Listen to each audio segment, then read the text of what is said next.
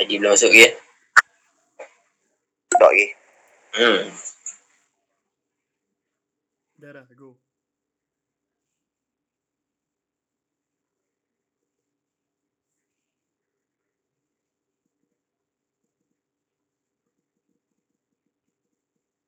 Alright Faizal, uh, ID dah masuk, dah boleh sambung. Pasal tadi kita berhenti dekat uh, Alaman Kristian. Latar belakang pemimpin-pemimpin uh, perang uh, perang salib. Ah, Okey, okey, okey. Okey, uh, macam saya kata tadi, ada empat orang. Uh, Godfrey, adik dia Baldwin, uh, Raymond dan juga anak kepada uh, Robert Guiscard. Baik, uh, berbulan-bulan mereka ni berke, me- mengepung kota Antioch sampai ramai meninggal dunia sebab mati kelaparan, um, penyakit dan sebagainya.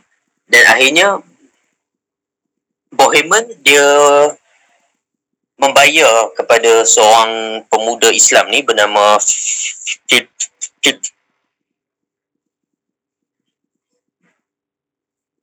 Hello. Hello, hello, ya, yeah, maaf, maaf. Ada Ya. uh, okay. Jom sikit. Okey, dia dia membayar sogokan dan akhirnya uh, kota Antioch tu sendiri jatuh.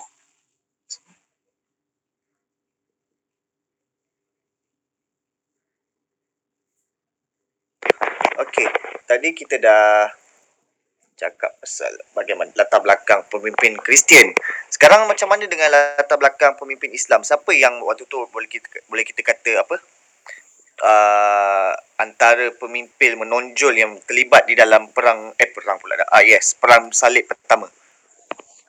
Okey, dari, daripada pihak pemimpin Islam ada pertama sekali anak kepada Sultan Sulaiman tadi tu yang bernama Kilich Aslan dan di bawah dia ada pecahan-pecahan dari segi ketenteraan bernama Yagi Sian, Kerboga dan uh, Fakri Al-Mulk. Mereka ini um, mungkin atas faktor tertentu mereka tewas dalam banyak pertempuran yang berlaku.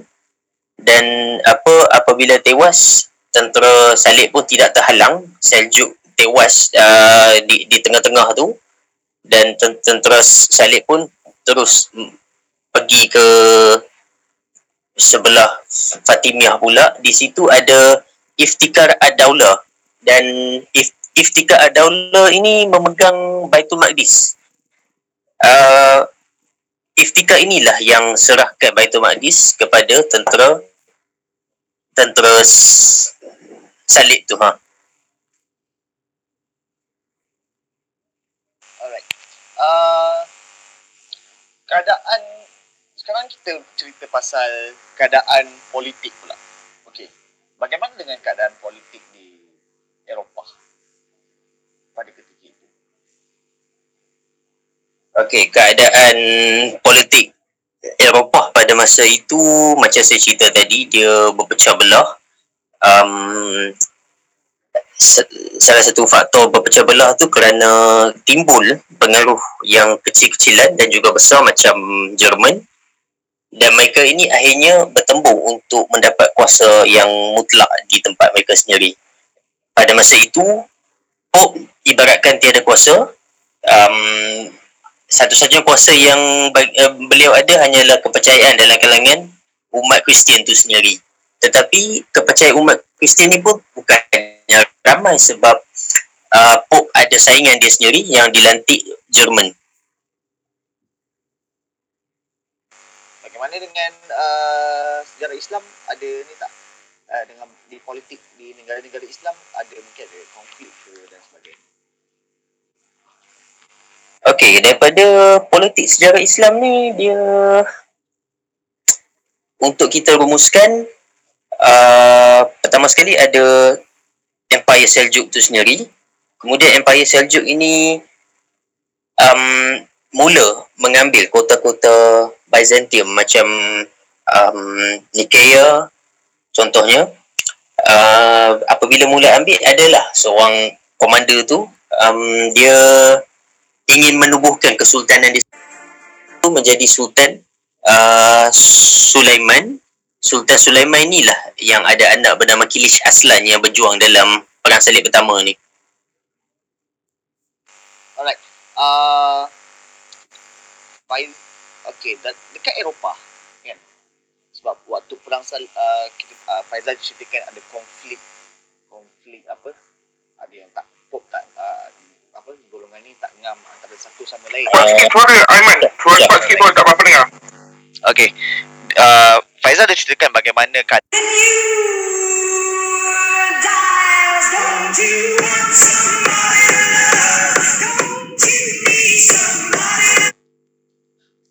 Okey, um, pertama sekali saya nak jelaskan uh, definisi pengkafiran tu sendiri. Dalam bahasa Inggeris ni pengkafiran tu bermaksud bukannya infidel, sebaliknya uh, keluar daripada komuniti Kristian. Maksudnya dia terkeluar, tersingkir. Dia ada di luar apa yang umat Kristian tu, dia ada di luar. Um, dalam hal ni kita senang kata memang dia di, diisytiharkan kafir sebab apabila seorang tu diisytiharkan sedemikian dia akan dipandang hina dia takkan disokong dan pokok kepada masa uh, krisis pengkafiran ni bermula sebab faktor uh, seorang pop yang dipandang maksum. Uh, pengkafiran ni sebenarnya dah, dah lama berlaku. Uh, macam kalau ada yang berpengalaman uh, yang yang yang tahu sejarah Kristian ni dulu adalah perdebatan antara Arius dan juga yang menyokong Tuhan bertiga ni. Dan dalam perdebatan tu pun ada ada yang mengisytiharkan kafir ni. Cuma dalam konflik perang salib ni dia bermula apabila Pope pergi isytihar Orthodox Kristian yang di Konstantinopel ni uh, dia isytihar the whole church tu kafir sebab perbezaan pendapat tentang Tuhan bapa Tuhan anak tu. Hanya kerana beza pendapat diisytiharkan kafir. Dan dia, dia orang isytiharkan kafir ni bukannya um, secara luar tau dia orang masuk kat dalam Hagia Sophia tu yang yang dijadikan church terbesar Orthodox Christian. Cara dia pemasuk pun dengan hentak-hentak kaki dengan kuat. Mereka menghampiri altar tu uh, dalam bahasa Melayu tak silap saya altar tu adalah masbah. Altar ni di mana seorang padri ortodoks diberi sepucuk dokumen pengkafiran tu dan benda ni lah memulakan perpecahan besar dalam kalangan umat Kristian yang sampai hari ni masih lagi ada parut dia sendiri dan perang salib uh, dari segi sejarah menyatukan mereka berdua kerana Christian of Europe dan Christian of Byzantium bersatu untuk mengambil balik kedaulatan Byzantium yang hilang kerana Seljuk. Alright. Kita bercakap pasal perang salib. Okay, clear tak?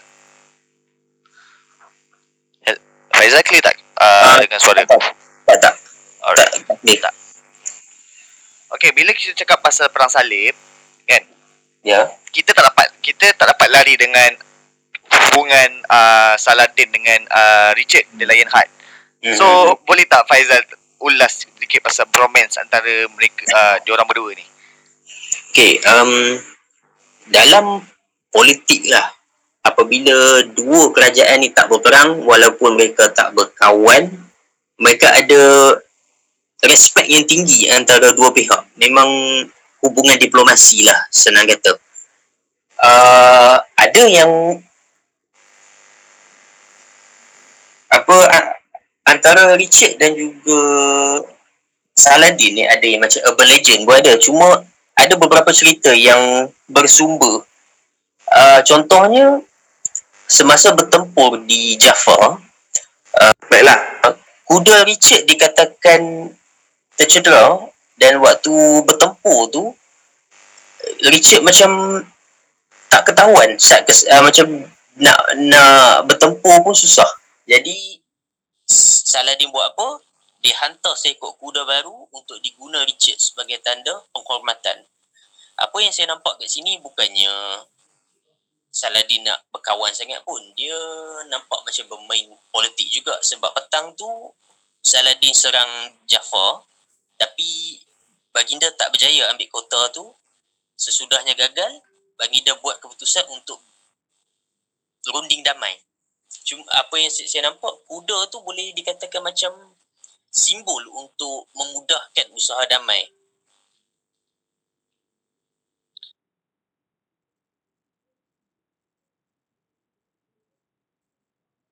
Aiman? Sorry. Sorry, dalam banyak-banyak perang dalam banyak-banyak perang salib mana perang salib yang paling menarik dari pribadi Faizal? Okey, macam saya cerita tadi uh, yang dia dia berlaku perang salib ketiga tau, bukannya perang salib pertama.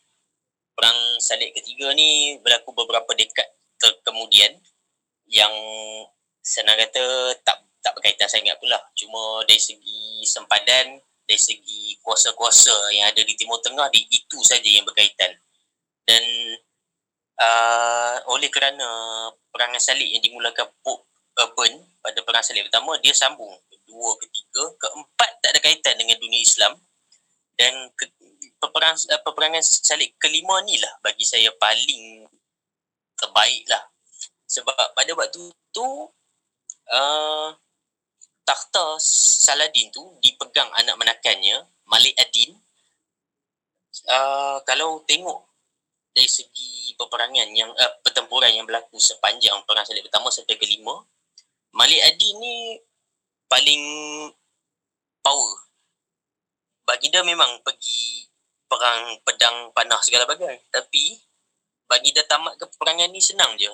Baginda musnahkan empangan sungai Nil banjir yang besar tu bagi tenggelam tentera-tentera salib tu sampai mereka terpaksa berhenti berperang. Tahun uh, 1221. Alright. Uh. Mungkin kita semua pernah menonton uh, mungkin kita semua pernah menonton filem uh, Kingdom of Heaven yang dilakukan oleh Orlando Bloom. Jadi pada kacamata Faizal lah, sejauh mana accuracy filem tersebut terhadap sejarah perang salib itu sendiri? Okey, kalau uh, soalan tadi apa? Uh, sejauh mana benar eh?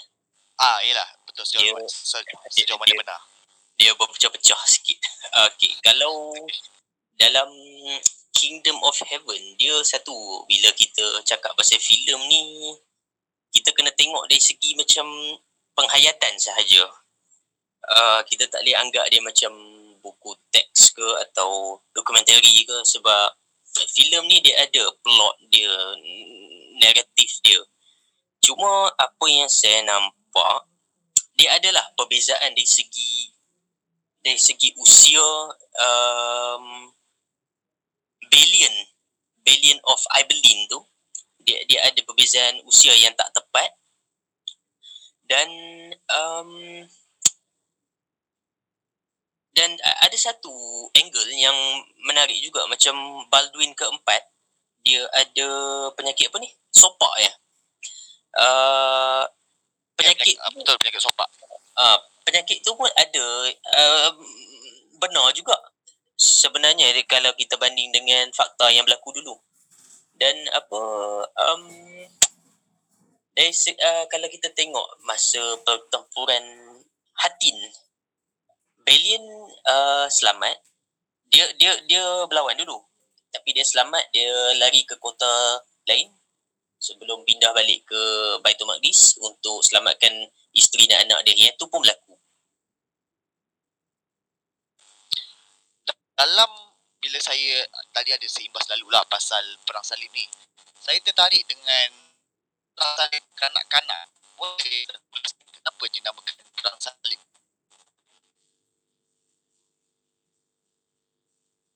uh, sekali lagi tak apa dengar lah Aiman? Saya okay, uh, clear tak? ah, clear sekarang clear Alright. Saya uh, adalah buat sepintas lalu pasal baca pasal perang salib ni.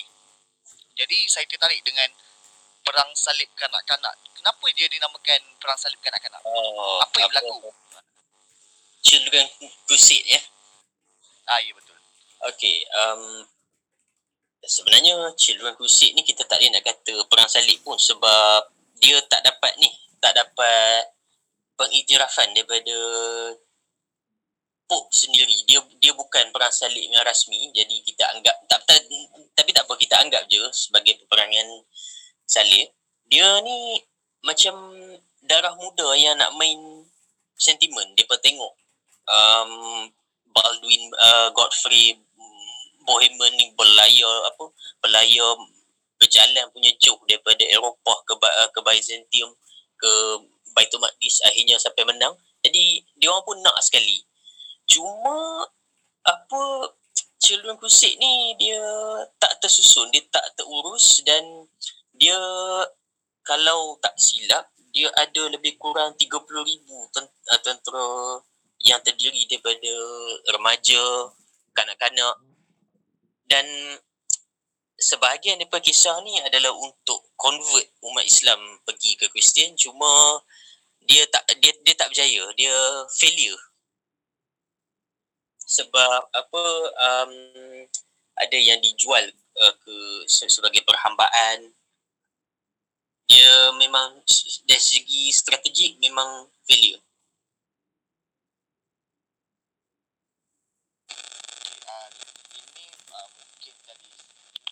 Lepas uh, kita balik ke perang salib pertama tadi.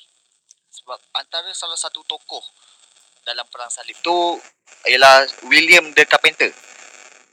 Uh, mengapa beliau dianggap sebagai sebagai wira dalam bukan wira lah antara tokoh yang orang kata dikenali juga. Walaupun kita tengok latar belakang ni bukanlah daripada golongan bangsawan ataupun sebagainya.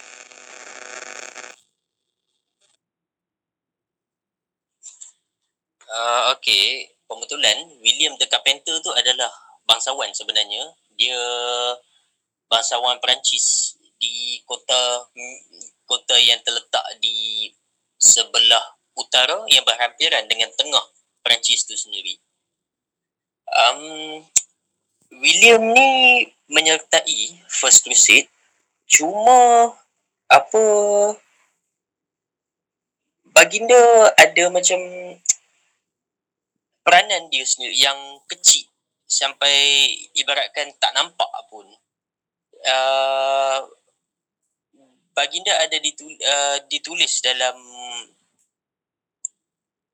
sebagai seseorang yang apa yang pandai bercakap tetapi sekadar senang kata sembang lebat je lah. Dia hanya keluar untuk buat benda yang hebat cuma beliau tak mam, uh, baginda keluar untuk buat benda-benda hebat. Seperti mana dikatakan Guibert daripada Nogent William tak mampu untuk buat apa yang dia canangkan sendiri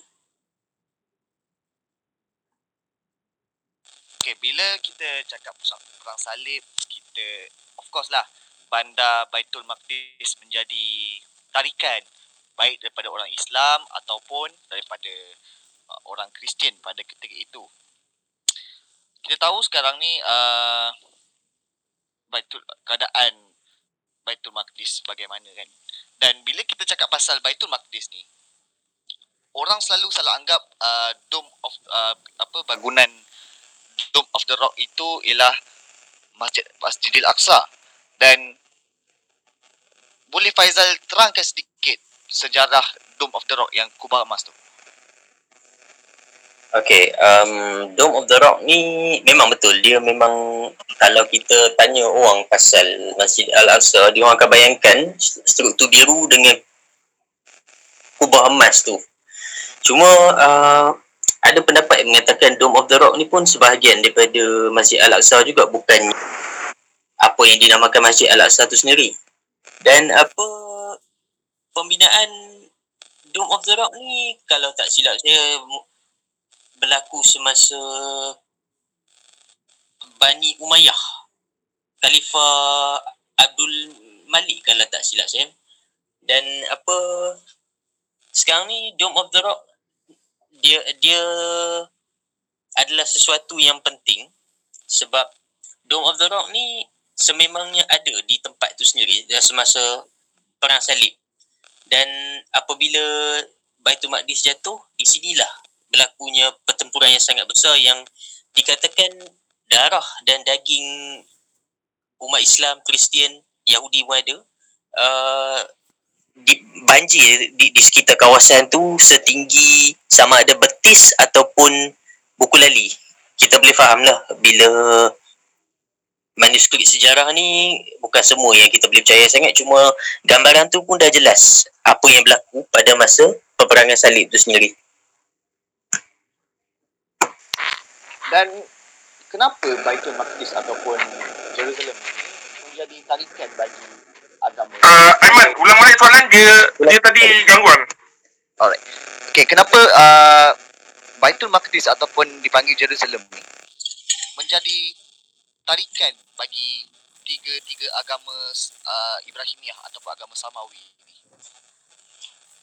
Okey, um, sekarang ni kita kita jangan faham Jerusalem dan Baitul Maqdis tu sebagai kota yang sama. Kita sekarang ni faham dengan mudah. Uh, Baitul Maqdis kita anggap terletak dalam Jerusalem tu sendiri. Sebab bila kita cakap tentang perang salib, kita akan nampak Jerusalem tu adalah uh, Baitul Maqdis. Tetapi Jerusalem tu adalah satu city semasa salib. Jadi mudah untuk saya jelaskan. Jerusalem is Jerusalem Baitul Maqdis dia adalah old city yang terletak di Masjid Al-Aqsa, Western Wall dan juga gereja makam suci. Okay, pertama sekali kita tahulah tentang sejarah Islam semua uh, Nabi Muhammad sallallahu alaihi wasallam um, daripada dalam peristiwa Isra Mi'raj tu sendiri. Uh, jadi saya buka cerita dari, daripada sudut Yahudi pula. Uh, di Bait, Baitul Maqdis dalam Old City ni dulu ada satu rumah ibadat bernama Bait Hamikdash. Rumah ibadat ni senang kata kuil untuk agama Yahudi. Kuil ni dibina katanya oleh Nabi Sulaiman AS. Tetapi kuil ni dah dimusnahkan semata eh, semasa Bani Israel jatuh dulu. Namun kuil ni dibina semula tetapi itu pun dimusnahkan juga. Ada dua kuil yang dimusnahkan di sini. Yahudi sekarang tunggu kuil yang ketiga. Cuma ada masalah besar kerana katanya kuil ketiga ni terletak dekat-dekat dengan Masjid Al-Aqsa, dekat dengan Dome of the Rock tu. Kalau kita, kalau mereka musnahkan Al-Aqsa, memang akan ada isu antara bangsa yang besar. Jadi, ada dalam kalangan agamawan dia pun sendiri, dia orang macam tak berapa nak tahu kuil Nabi Sulaiman tu terletak di mana. Setengah mengatakan bukan di Masjid Al-Aqsa pun tapi 200 meter jauh daripada Masjid Al-Aqsa. Dan uh, pihak Yahudi berpendapat kuil ketiga ni hanya boleh dibina oleh Al-Masih mereka saja, bukannya kerajaan Israel, bukannya sesiapa pun. Jadi dari segi sudut Yahudi inilah titik pertama yang membuatkan Jerusalem sebagai ada influence agama sendiri. Dan dalam agama Kristian pula, di sinilah Nabi Isa AS berdakwah dan uh, menurut mereka disalib dan segalanya. Uh, macam agama Islam, kita sendiri dah tahulah uh, kepentingannya. Okey, memandangkan uh, Faizal clear? Ah, ya, ya, okay. Alright. Memandangkan uh, sekarang ni Baitul Maqdis ataupun Jerusalem di bawah uh, pentadbiran uh, negara Israel. Jadi apakah uh, kita tahu sekarang ni tengah isu di mana berlakunya peperangan antara tentera Israel dan juga tentera Palestin. Uh, Alright. sekali lagi, sekali lagi. Kita tahu kita tahu sekarang ni adanya uh, tengah ber- berlakunya peperangan antara Israel dan juga uh, pihak Palestin. Uh, jadi uh, menurut Faizal, apakah uh, dengan cara two state solution merupakan penyelesaian yang paling tepat untuk menyelesaikan konflik yang dah bermula puluhan ratusan tahun ni? Okay, okay. Uh, faham dah. Okay. Sekarang ni tentang two state solution ni, dia orang memang nampak dia satu langkah penyelesaian yang mudah. Cuma kalau kita tengok di, uh, di bawah kepimpinan Benjamin Netanyahu apabila Donald Trump membentangkan deal of the century dem- demikian hari Jerusalem 100% masuk ke dalam Israel bermakna Masjid Al-Aqsa, Dome of the Rock, uh, Gereja Makan Suci, Western Wall semuanya masuk dalam Israel. Apa yang masuk dalam Palestin adalah satu kota bernama Abu Dis yang sebenarnya kampung je kot tempat tu. Bukannya kota pun. Jadi oh, kalau lah two state solution ni nak selesaikan masalah. Pertama sekali uh, dia kena ada semangat win-win situation maksudnya sekarang ni Palestin meminta East Jerusalem Masjid Al-Aqsa tu masuk ke dalam mereka dan East Jerusalem ni dibuat sebagai uh, ibu kota mereka. Israel tak nak benda tu. Jadi nak buat two state solution macam mana? Sebab memang dia bukannya apa yang Palestin mau. Dia kata kalau Israel bagi pun macam tahun 1948 tahun ah 1948 waktu tu tepi barat sampai ke Masjid Al-Aqsa masuk dalam Jordan. Katakanlah dia bagi sekalipun dia apa kita tak tahu apa yang boleh berlaku ke kemudian mungkin ada pihak yang tak berpuas hati macam Ah, contohnya Aizan, Ya. ah, sekejap, sekejap. Ya. Aizan, sekejap. Sekejap, sekejap. Ah, okay. Tadi, sebab tadi ada gangguan suara, gangguan keyboard. Okay, boleh sambung. Maaf ya. oh okey okey okey um okey uh, apa yang kita khuatir kalau macam tu state solution tu ada pihak yang tak berpuas hati. Pihak yang tak berpuas hati ni saya tak masukkan Hamas tau sebenarnya. Saya masukkan pihak haluan kanan di Israel sendiri. Macam contoh Israel ada satu kumpulan bernama Lehawa kumpulan ni memang ekstremis. Memang ekstremis gila-gila. Dia orang bagi mereka Yahudi kena kahwin dengan Yahudi saja. Yahudi tak boleh kahwin dengan orang lain pun. Macam kalau kita cakap Yahudi tak boleh kahwin dengan orang lain mesti orang akan bayangkan Yahudi tak boleh kahwin dengan orang Islam. Okey dia orang tak setuju benda tu.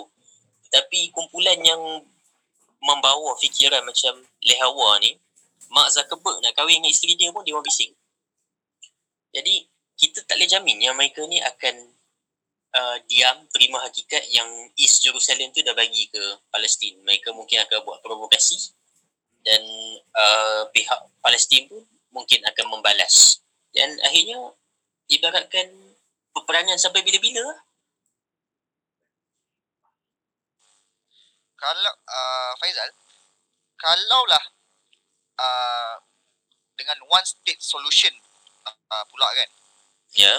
sekiranya bukan bukan kalau kalau orang Palestin menerima one state solution Mm-hmm. mereka boleh contohlah okey diorang accept one state solution dan diorang buat satu mungkin gerakan dalam one state solution untuk dan kemudiannya akan menjadi two state solution macam mana dengan Faizal punya pendapat Uh, pertama sekali kalau dia orang buat one state solution tak ada sebab untuk buat two state solution sebab kalau dia orang buat one state solution Palestin dan bangsa Arab di Israel gabung mereka ni akan jadi minoriti yang besar Mas, uh, dalam lingkungan 40 hingga 45% populasi Israel tetapi dalam politik mereka ni akan jadi kuasa yang sangat besar jadi kalau buat one state solution contohnya Israel tu dah jadi hak orang Arab lah. Untuk apa nak buat two state solution dah? okey kalau mungkin kalau kalau diorang nak bebaskan entiti daripada yalah sebab walaupun takut kalau jadi one state solution mereka masih tak mampu untuk membeba, uh, untuk memiliki ataupun menguasai Masjidil Aqsa. Adakah yalah ma- macam saya tanya tadi adakah dengan two state solution bakal membebaskan Al- Al-Aqsa? Okey. Uh, macam saya cakap tadi, dia tengok kepada komitmen Israel untuk win-win situation. Di bawah Netanyahu memang tak ada win-win si- situation. Sebab Netanyahu sendiri tak boleh nak buat win-win ni. Dia kena win only. Israel saja yang menang.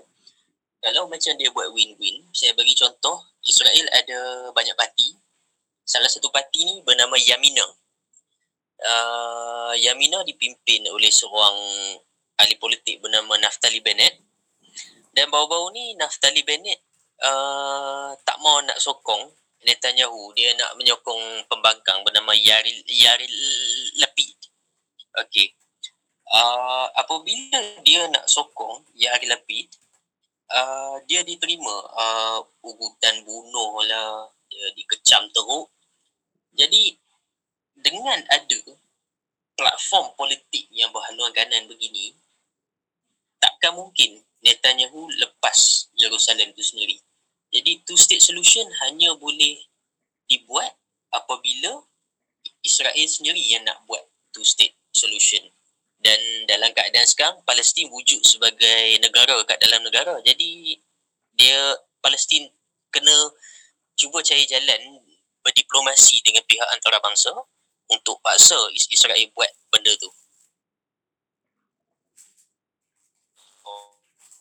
Uh, dengan okey, pendapat Faizal dengan saya ada terbaca jugalah uh, pasal uh, peperangan baru ni kan yang uh, apa uh, peperangan antara Israel dan Palestin baru ni. Adakah ini juga salah satu daripada langkah Yahoo untuk mendapatkan sokongan di balik setelah kita tahu Israel sekarang ni dalam situasi keadaan politik Israel dalam keadaan yang terumbang ambing orang kata.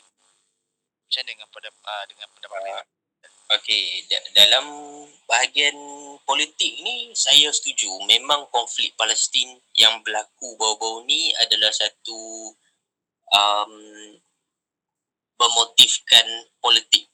Sebab Benjamin Netanyahu tak nak melepaskan kuasa um, sudah ada empat pilihan raya dalam masa dua tahun.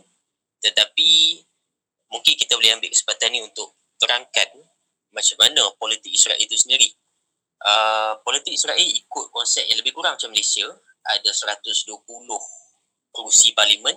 Sesiapa yang dapat 61 kerusi akan membentuk kerajaan sejak kemerdekaan tahun 1948 sampai lah hari ini tak ada satu parti pun dapat 61 kerusi mereka kena apa bekerjasama dengan parti-parti lain untuk buat kerajaan. Dan inilah sebahagian daripada masalah yang berlaku sekarang ni. Apa apabila pilihan raya dibuat demikian hari tahun 2019 kalau tak silap tak ada siapa nak kerjasama dengan Netanyahu sebab uh, beliau ada isu rasuah yang masih belum selesai jadi ada pihak pembangkang yang nak bentuk kerajaan cuma masih lagi tak cukup 61 kursi ni dan melihat keadaan semasa Demikian hari, Yang Lepid dan juga Naftali Bennett hampir-hampir nak bersetuju untuk bentuk kerajaan dah. Tiba-tiba berlakulah yang apa yang berlaku di Masjid Al-Aqsa yang dibalas Hamas dengan serangan roket segalanya yang sekarang ni kita nampak seolah-olah macam Netanyahu nak tunjuk yang Israel masih perlu dia. Cuma sama ada uh, rakyat Israel bersetuju atau tidak kena tunggu pilihan raya yang akan datang lah. Kalau kita tengok daripada sisi Hamas pula, dia orang peduli apa tentang politik Israel. Dia orang pun nak kena jaga juga apa tanggapan rakyat Palestin dengan mereka. Kalau tengok Masjid Al-Aqsa kena macam tu dengan rakyat Palestin, kena pukul, berdarah, takkan dia nak berdiam pula kan? Dan apa yang saya nampak di Israel sekarang ni, kuasa bangsa Arab semakin kuat dan satu-satunya cara untuk Yair Lapid jatuhkan Netanyahu adalah dengan pakatan so uh, Mansur Abbas Mansur Abbas ni ada empat kursi je tapi dengan empat kursi ni beliau jadi macam kingmaker.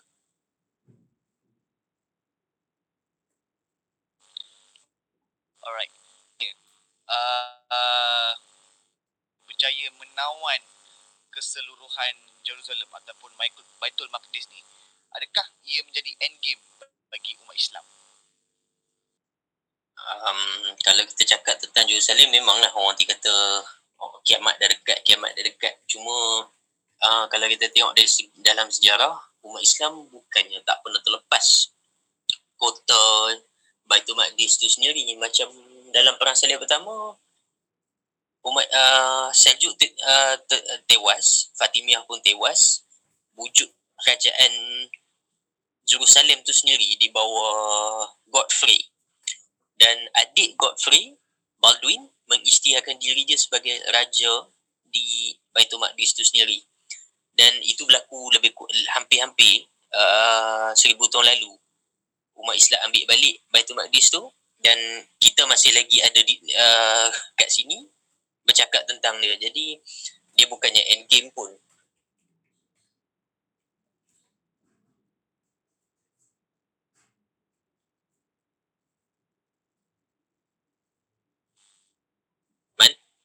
Iman? On speaker ke Man? Mana Iman? kita lihat. Uh, Ulang balik sana, ulang balik lihat. Perang uh, okay, clear off? clear clear.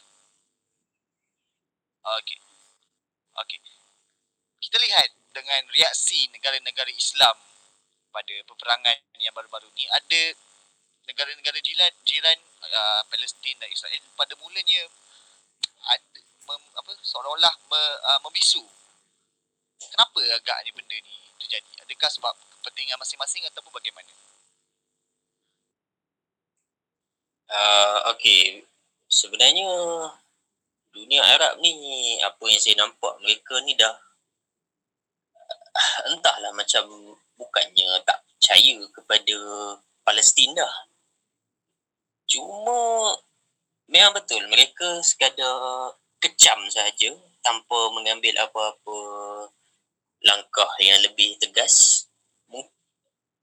Tetapi saya tak setuju dengan perkataan membisu sebab satu je kalau macam dunia Arab ni kumpul tentera pergi serang Israel mereka akan tewas sebab Yahudi ni bila dia orang dah dapat negara Israel tu dia orang takkan lepas. Dia orang akan berjuang sampai ke habis-habisan untuk mempertahankan Israel itu sendiri. Jadi bila dia orang buat begitu bi- bila dunia Arab pergi serang Yahudi akan lebih bersatu. Uh, Eropah akan bersatu dengan Israel, Amerika Syarikat akan bersatu dengan Israel. Dengan langkah yang apa sekarang ni kita nampak yang sebenarnya Israel itulah yang membuli Palestin. Bukannya apa dia dia hujah yang nak mengatakan Israel ada hak untuk mempertahankan diri. Tak kukuh sangat dah sebab mempertahankan diri daripada apa apabila mereka uh, du- dunia Arab mengambil langkah begini dia orang ada uh, kuasa berdiplomasi yang lagi kuat. Kalau mereka serang kuasa diplomasi itu akan hilang. Bila Faizal cakap pa- pasal kek tu mereka akan menyerang Israel dan support oleh uh, tentera apa di negara-negara Eropah juga akan bersatu Amerika juga akan ber ya ya ya pecah-pecah Aman pecah-pecah Aiman, tak apa Aiman. Uh, pecah-pecah suara. alright Suara kau pecah-pecah. pasal okay okay okay bila Faizal cakap tadi pasal seluruh tu mel- melawan Israel dan dia akan juga di uh, di pihak Israel akan disokong oleh seluruh negara Eropah yang juga akan bersatu dan di Amerika Syarikat. Adakah ia seolah-olah mewujudkan macam perang salib yang baru? Ah, tak tak tak. Um, sebab pertama sekali perang salib ni dia adalah satu usaha untuk membebaskan Jerusalem demi agama. Kiranya agama ditunggang. Kalau macam isu Israel Palestin ni dia kepentingan kebangsaan. Palestin bukannya bangsa eh bukannya umat Islam saja yang ada dalam kalangan mereka. Umat Kristian pun ada dan umat Kristian pun dikerjakan juga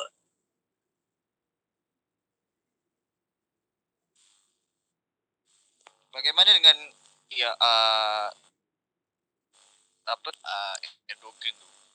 Uh, ada orang kata dia macam menunjuk menunjuk je power dia. Uh, ada orang kata sebaliknya. Uh, tak apa dengar. Sekiranya orang Melayu ditak ditakdirkan men, me, me, membebaskan adakah ia dengan logik dan relevan? Ah. Okey, um, bukannya kita nak kutuk bangsa kita sendirilah. Cuma kita pun ada problem kita sendiri dan untuk membebaskan Jerusalem tu sekarang ni kita kena faham satu benda. Zaman sekarang ni memang bukan zaman peperangan macam abad ke-20. Dia kena guna kuasa diplomasi juga. Macam saya cakap, kalau macam dunia Arab pergi serang Israel, Israel akan uh, ada kabel-kabel yang sangat kuat. Mereka akan menang dari segi tentera sebab mereka susah sangat-sangat untuk kita halau mereka dan mereka akan menang dari segi di- diplomasi.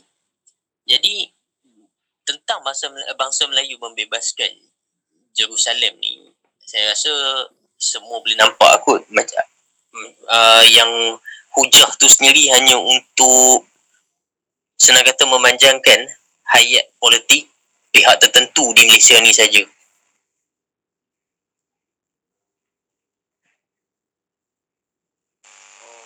Okey. Uh,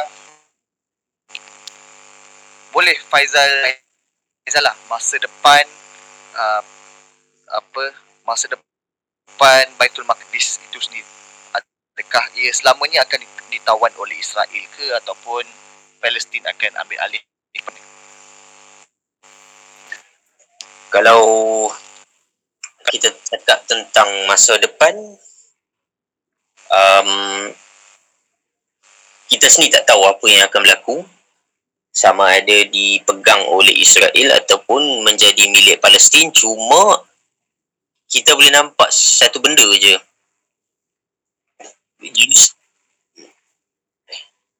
Hello? Hello?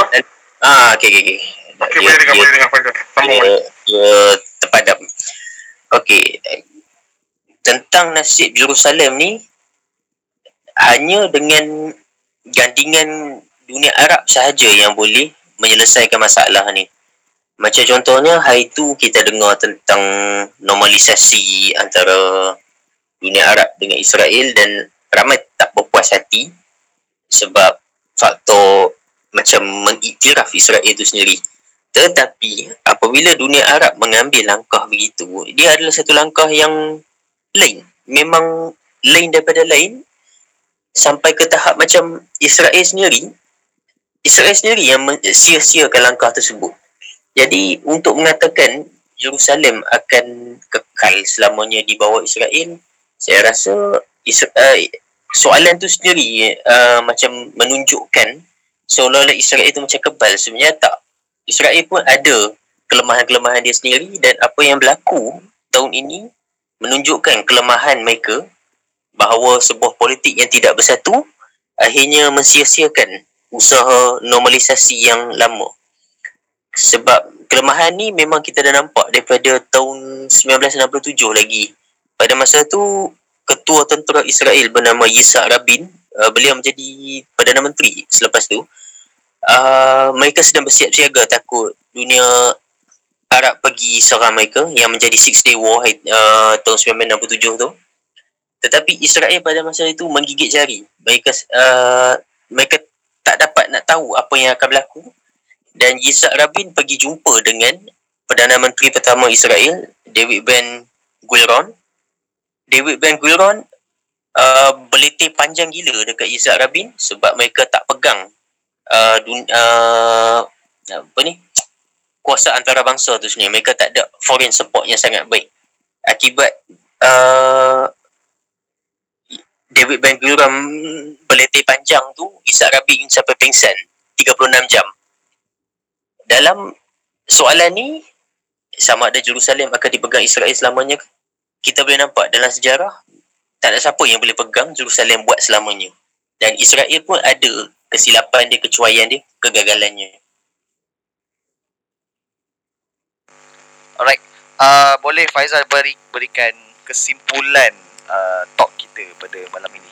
Talk berkaitan perang salib dan juga Baitul Maqdis ni. Kesimpulan yang mudah eh. Apa Jerusalem takkan aman selagi mana orang berebut Jerusalem tu sendiri. Sebab daripada perang salib sampailah hari ni tanah ni tak pernah tenang.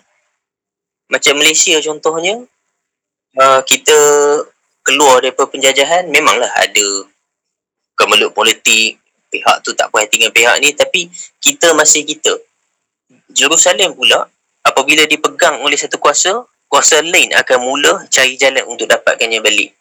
Bermula dengan perang salib, apa yang kita belajar, kuasa yang bersatu adalah kuasa yang lagi kuat daripada kuasa yang berpecah. Dan benda tu kita nampak sampai lah hari ni, Israel walaupun berpecah eh, secara politik, macam contohnya Benjamin Netanyahu dengan Menteri Pertahanan dia, Benny Gantz. Dua orang ni bersengketa dalam politik cuma untuk mempertahankan kedaulatan Israel tu tengok macam mana mereka bersatu. Dan itulah um, bagi saya nilai yang sangat penting untuk berjaya dalam peperangan di dunia ni. dengan uh, kesimpulan yang Faizal berikan maka uh, berakhirlah talk kita pada malam ini tapi kita ada sedikit kata-kata daripada saudara Helmi Effendi silakan Bismillahirrahmanirrahim. Uh, saya nak bagi tahu nak maklumkan bahawa insyaAllah esok dunia tentang tiga akan di stop ikuti perkembangan dekat Twitter dekat kalau yang paling awal yang kami berjanjikan pada hari Rabu. Kalau esok tidak dapat maklumat pada kami mungkin pada Khamis atau selewat-lewatnya pada hari Jumaat dunia dapat tempoh tiga dan satu. Dan juga saya nak ingatkan bahawa pada esok malam juga sempena dengan hari pemergian Tan Sri P. Ramlee pada 20 29 ya, tak maaf, 20, 29 ah, 29 dari bulan uh, Mei nanti kita ada satu lagi sesi Twitter Space yang berkenaan dengan sejarah P. Ramlee itu sendiri. Lepas tu untuk 28 pula kita ada bersama dengan saudara Adam Abu Bakar. Kita akan kupas tentang sejarah wabak yang berlaku di. Uh, dan sekali lagi saya nak bagi tahu bahawa promosi jualan Palestin masih berterusan sampailah ke 7 Jun. Dan insyaAllah uh, buku akan di restock secepat yang mungkin, secepat yang mungkin. Kami akan maklumkan di akaun rasmi The Patriot. Tunggu apa-apa makluman daripada kami. Dan jangan lupa untuk membeli buku Perang Salib Pertama tulisan saudara Ahmad Faizal sebab beliau ialah penulisnya. Juga boleh membeli Langkah Keraton. Uh, penulisnya juga adalah saudara Ahmad Faizal dan saya mewakili The Patriot ingin mengucapkan ribuan terima kasih kepada mereka yang setia mendengar uh, setiap sesi-sesi yang kami adakan. Terima kasih banyak-banyak. Saudara Aiman? Okey, terima kasih saudara Helmi. Dengan itu berakhirlah sesi bual bicara kita pada malam ini. Sebelum itu saya nak ingatkan sekali lagi buat sesiapa yang belum follow Twitter dan laman social media The Patriots iaitu Facebook, Twitter, Instagram, follow segera dan uh, untuk mendengar uh, bual bicara sebelum ini boleh dengar di Spotify rasmi kami iaitu The Patriots. Uh, so, uh, terima kasih diucapkan saudara Faizal atas uh, sudi meluangkan masa. Maaf atas isu-isu teknikal yang berlaku. Okey, berlaku. Maaf atas isu teknikal yang uh, berlaku sebentar tadi. Yang buruk itu datang daripada saya. Saya sekadar hamba-Nya yang lemah. Yang baik itu datang daripada Allah Subhanahu Wa Taala. Sekian. Assalamualaikum dan selamat malam. Waalaikumsalam.